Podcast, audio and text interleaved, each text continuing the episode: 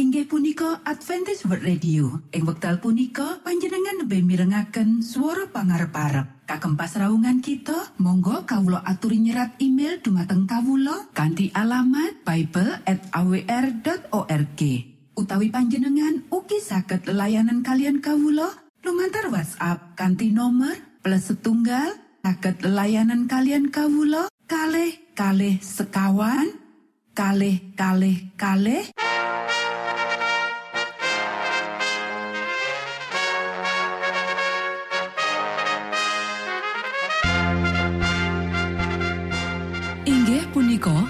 Adventis World Radio ingkang giaran kanti basa Jawi.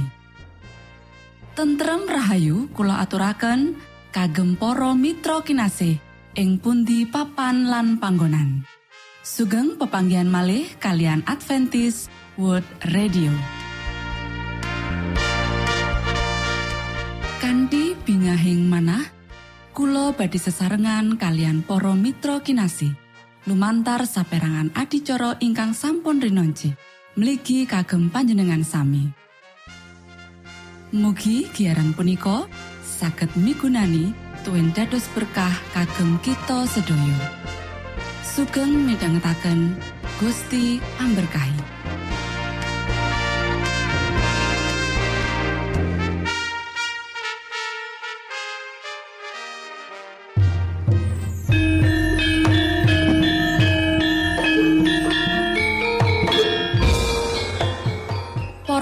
Para pamirsa kinasih ing Gusti Yesus Kristus. Ing wekdal punika kita badi sesarengan ing adicara ruang kesehatan. Ingkang saestu migunani kagem panjenengan soho kita sami. Tips utawi pitedah ingkang dipun aturaken ing program punika tetales dawuhipun Gusti ingkang dipunnyatakaken ing kitab suci. Semanten ugi sakehing seratan ingkang dipun wangsitaken dening Gusti Allah.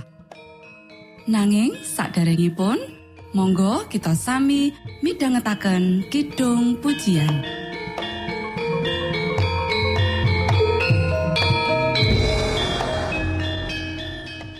Monggo stiku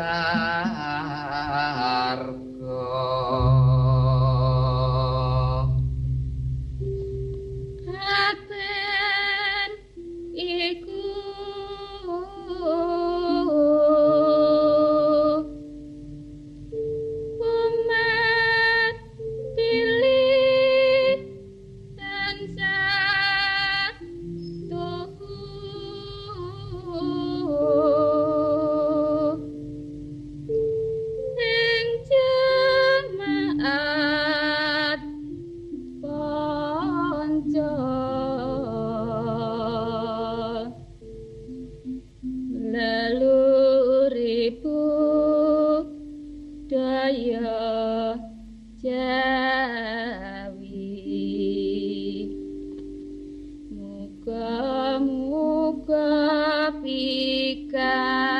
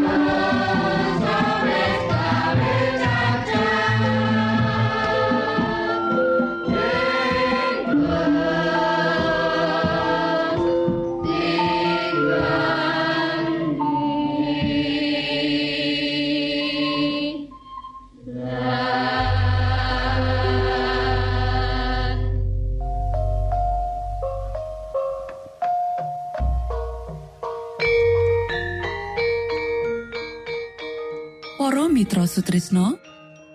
Puji syukur dumateng Gusti ingkang murbeng dumati ingkang sampun kepareng paring wewenngan kagem kita.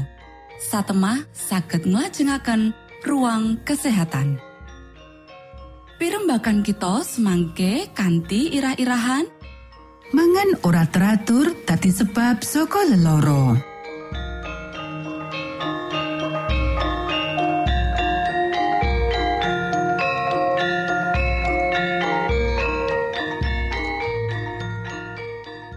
Dumateng para pamirsa ingkang dahat kinurmatan, sugeng pepanggihan malih kalian kula Isti Kurnaidi ing adicara Ruang Kesehatan.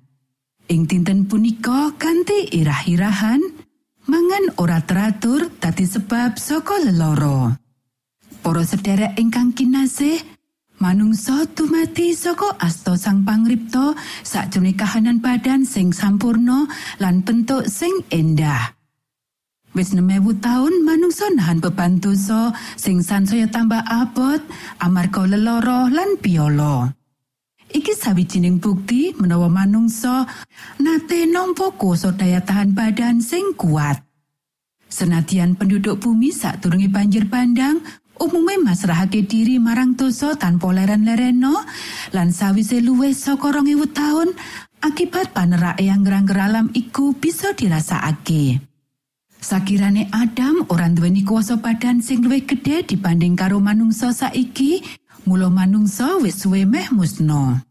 Wiwit tumipane manungsa menyang sakjroning dosa, anak turune sing sak banjure duweni kecondongan sing terus-terusan merosot. Bibit leloro wis dipindahake saka wong tua marang anak-anak lan saka keturunan menyang turunan sing liya. Anak-anak bayi wae nandang sangsara amarga dosane wong tuane. Musa minangka panyerat sejarah sing sepisan menehi perincian sing meh mesti ngenani panguripan sosial lan pribadi ing wiwitane sejarah donya. Nanging kita ora nemoni catetan menawa sawijining bayi wis kalairake sakjroning kahanan wuto, budak, pincang utawa ringkes syaraf. Siji kedadian wae ora kecatet ngenani matine bayi, bocah utawa nom-noman kanthi cara wajar. Sakjroning buku perwaning dumati, riwayat uripe wong sing mati mung kecatet mangkene. Tadi gunggunge umure Adam sangang atus telung puluh tahun banjur ngajal. Tadi gunggunge Set sangang atus rolas tahun banjur ngajal. Ngenani sing liyane catetan unine mangkene.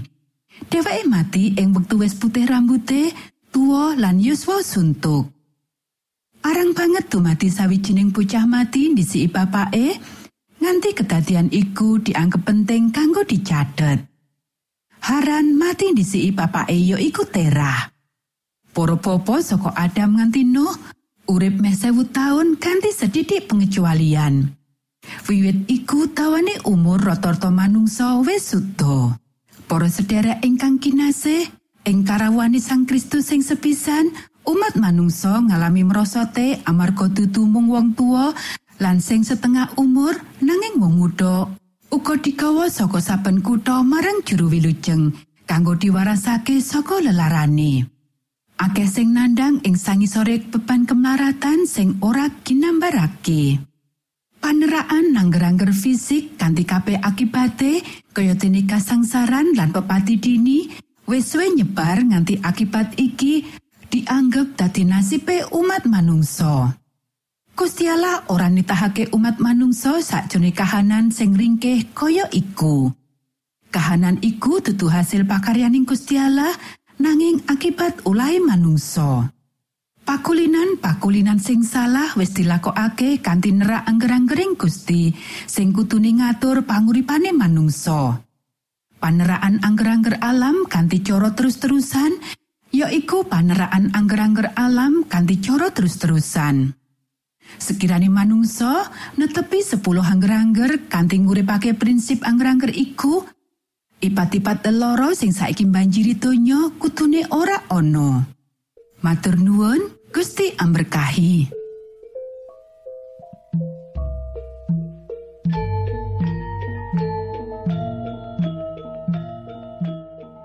Tumangkap semanten pimbakan ruang kesehatan ing episode dinten punika. Ugi sampun kuatos jalaran kita badhe pinanggih malih ing episode sak lajengipun.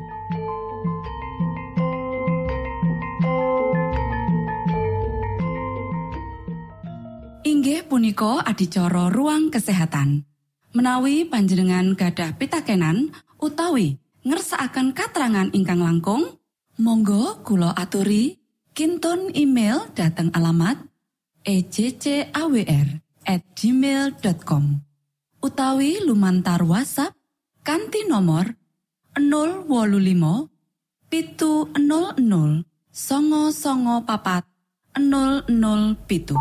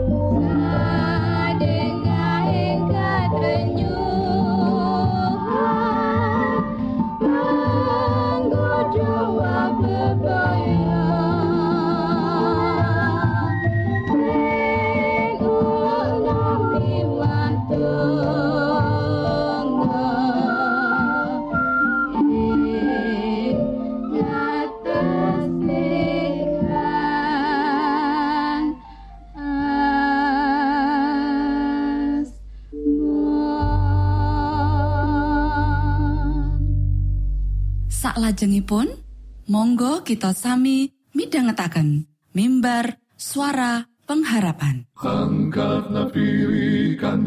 Pawarto Sang Kristus paderamu Pro umat samyo puji asmanyo Sang Kristus paderamu Inggih punika mimbar suara pengharapan. Ing episode punika kanthi irah-irahan Sang Yehuwa minangka pangayoman sakjroning kasangsaran. sugeng midhangetaken. Sang Kristus paderamu ilmu kawero tambah tambah Sang Kristus paderamu paderamu paderamu Sang Kristus paderamu Shalom para pamirsa ingkang kinasih wonten ing Gusti. Sakmenika kita badhe mitangetaken renungan Sabda pangandikanipun Gusti. Ing dinten punika kanthi irah-irahan Sang Yehuwa minangka pangayoman sakjroning kasangsaran. Para sedherek ingkang kinasih, ayo diwaca kitab Sabur pasal pitulas ayat pitu nganti songo. Duh Yehuwa, mugi karsawa jumeneng ing salebeting bebendo patuko. Mugi karsawa jumeneng nadai pangikit-ikitipun tiang ingkang sami nglawan dhateng kawula. Mugi patuko wungu mitulungi kawula amargi patuko ingkang mrentahaken pangadilan. Dene para bangsa kajengipun sami nglempak ngupungi patuko. Patuko lajeng karsawa lenggah ing sainggilipun ing papan ingkang inggil. Sang Yehuwa ngadili para bangsa. Duh Yehuwa, mugi patuko karso ngadili kawulo. Punapa kawulo leres, saha punapa kawulo tulus ikhlas. Para sedherek ingkang kinasih, Sang Juru Mazmur ngadepi maneka warna pacoban lan ing kahanane kang kaya mangkono, slirane bali sowan marang Gusti Allah. Kang dadi papan pangayoman sakjroning mangsa karubetan. Pangandel minangka dadi pilihan kang disengaja kanggo ngakoni Gusti Allah minangka Gustine menggaing panguripan pawungan sakjroning sakabeh kahanan. Menawa pangandele iki ora nuwuhake asil sakjroning karubetan, pramila pangandel kuwi ora bakal nuwuhake asil uga ing endi wae. Para sederek, paseksine Sang Juru Mazmur, aku bakal nyebut marang Yehuwa mangkene. Pangungsen saha peteng kawulo, Gusti Allah kawulo ingkang kawulo andelaken. Sabur pasal 91 ayat loro. Surasan kuwi kawetu saka pengalamane Sang Juru Mazmur ing mangsa biyen karo Gusti Allah lan saiki sansaya nyantosake pangandele kanggo ing mangsa tembe. Sang Juru Mazmur nyebut Sang Yehuwa Allah iku kang moho luhur lan kang moho kuoso. Sabur pasal 91 ayat siji lan loro ngelingi kaluhurane Gusti Allah kang ngeta-betapi. Sang juru Mazmur uga nyaritakake bab rasa aman kang bisa katemokake pawongan ing ngarsani Gusti Allah. Pangayoman, pangaupan, utawa pangungsen saha beteng kawulo. Sabur pasal 91 ayat siji lan loro, swiwi, tameng, lan pager tembok. Sabur pasal 91 ayat papat lan papan pangaupan. Sabur pasal 91 ayat songo. Kegambaran kuwi makili papan panggon pangayoman kang nentremake ing budayane sang juru Mazmur. Sawijining wong mung perlu mikirake panase sengenge ing alam jembar iki kanggo ngajeni ayang-ayang utawa pangaupan utawa bisa ngelingi maneh nalika mangsa-mangsane perang ing jaman Israel kanggo ngajeni katentreman kang kasediaake dening tameng utawa beteng. Para sedherek ingkang kinasih, sawijining sanepan kang raket banget ya iku sing nuduhake ayo ming suwiwi paduka. Sabur pasal pitulas ayat wolu. Ing tembung ing ayo ming suwiwi paduka, sabur pasal pitulas ayat wolu, pasal seket pitu ayat loro lan swidak telu ayat wolu, Sanepan iki nuwuhake rasa ayem lan katentreman kanthi nggambarake pangayoman saka ibune manuk. Gusti Allah kabandingake karo manuk Garuda sing jaga anak-anake ing selane suwiwine. Pangentasan pasal 19 ayat papat, pangandaring Toret pasal 32 ayat 11 lan kaya babon anggone nglumpukake kutuk-kutuke ing sangisore suwiwine. Matius pasal 13 ayat telung puluh pitu. Monggo kita sami ndedonga. Durama kawula ingkang wonten ing swarga, asma patuko mugi kasucikaken. Kraton patuko mugi rawuh, karsa patuko mugi kalampahan wonten ing bumi kados dene wonten ing swarga. Kawula mugi kaparingan rejeki kawula sak cekapipun ing dinten punika. So patuko mugi ngapunten kalepatan kawula kados dene kawula inggih ngapunteni tetiang ingkang kalepatan dhateng kawula. Punapa dene kawula mugi sampun ngantos katantukaken dhateng ing panggoda nanging mugi sami patuko uwalaken saking piawon. Awit dene patuko ingkang kagungan kraton saha wisesa tuen kamulyan salami laminipun. Amin.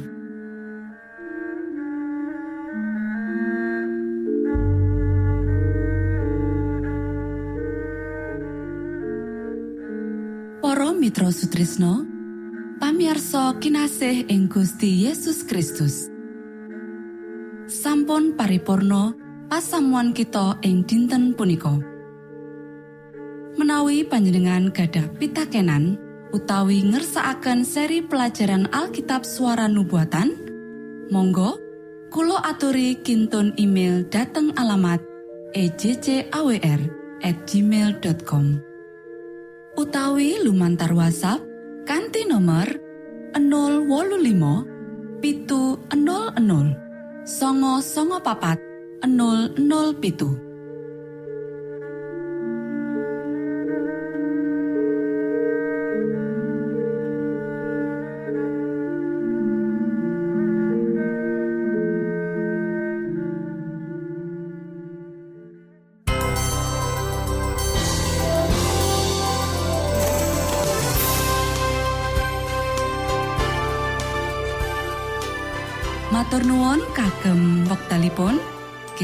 badhe pinanggih malih ing gelombang ugi wekdal ingkang sami.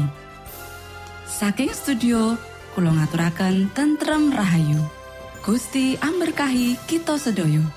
Maranata.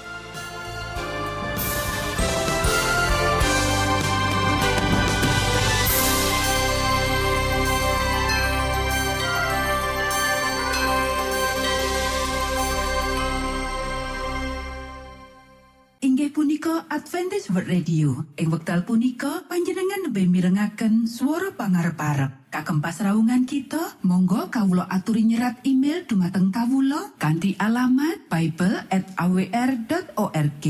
Utawi panjenengan ugi saged layanan kalian kawula lumantar WhatsApp kanthi nomor plus setunggal saged layanan kalian kawula kalih kalih sekawan kalih kalih kalih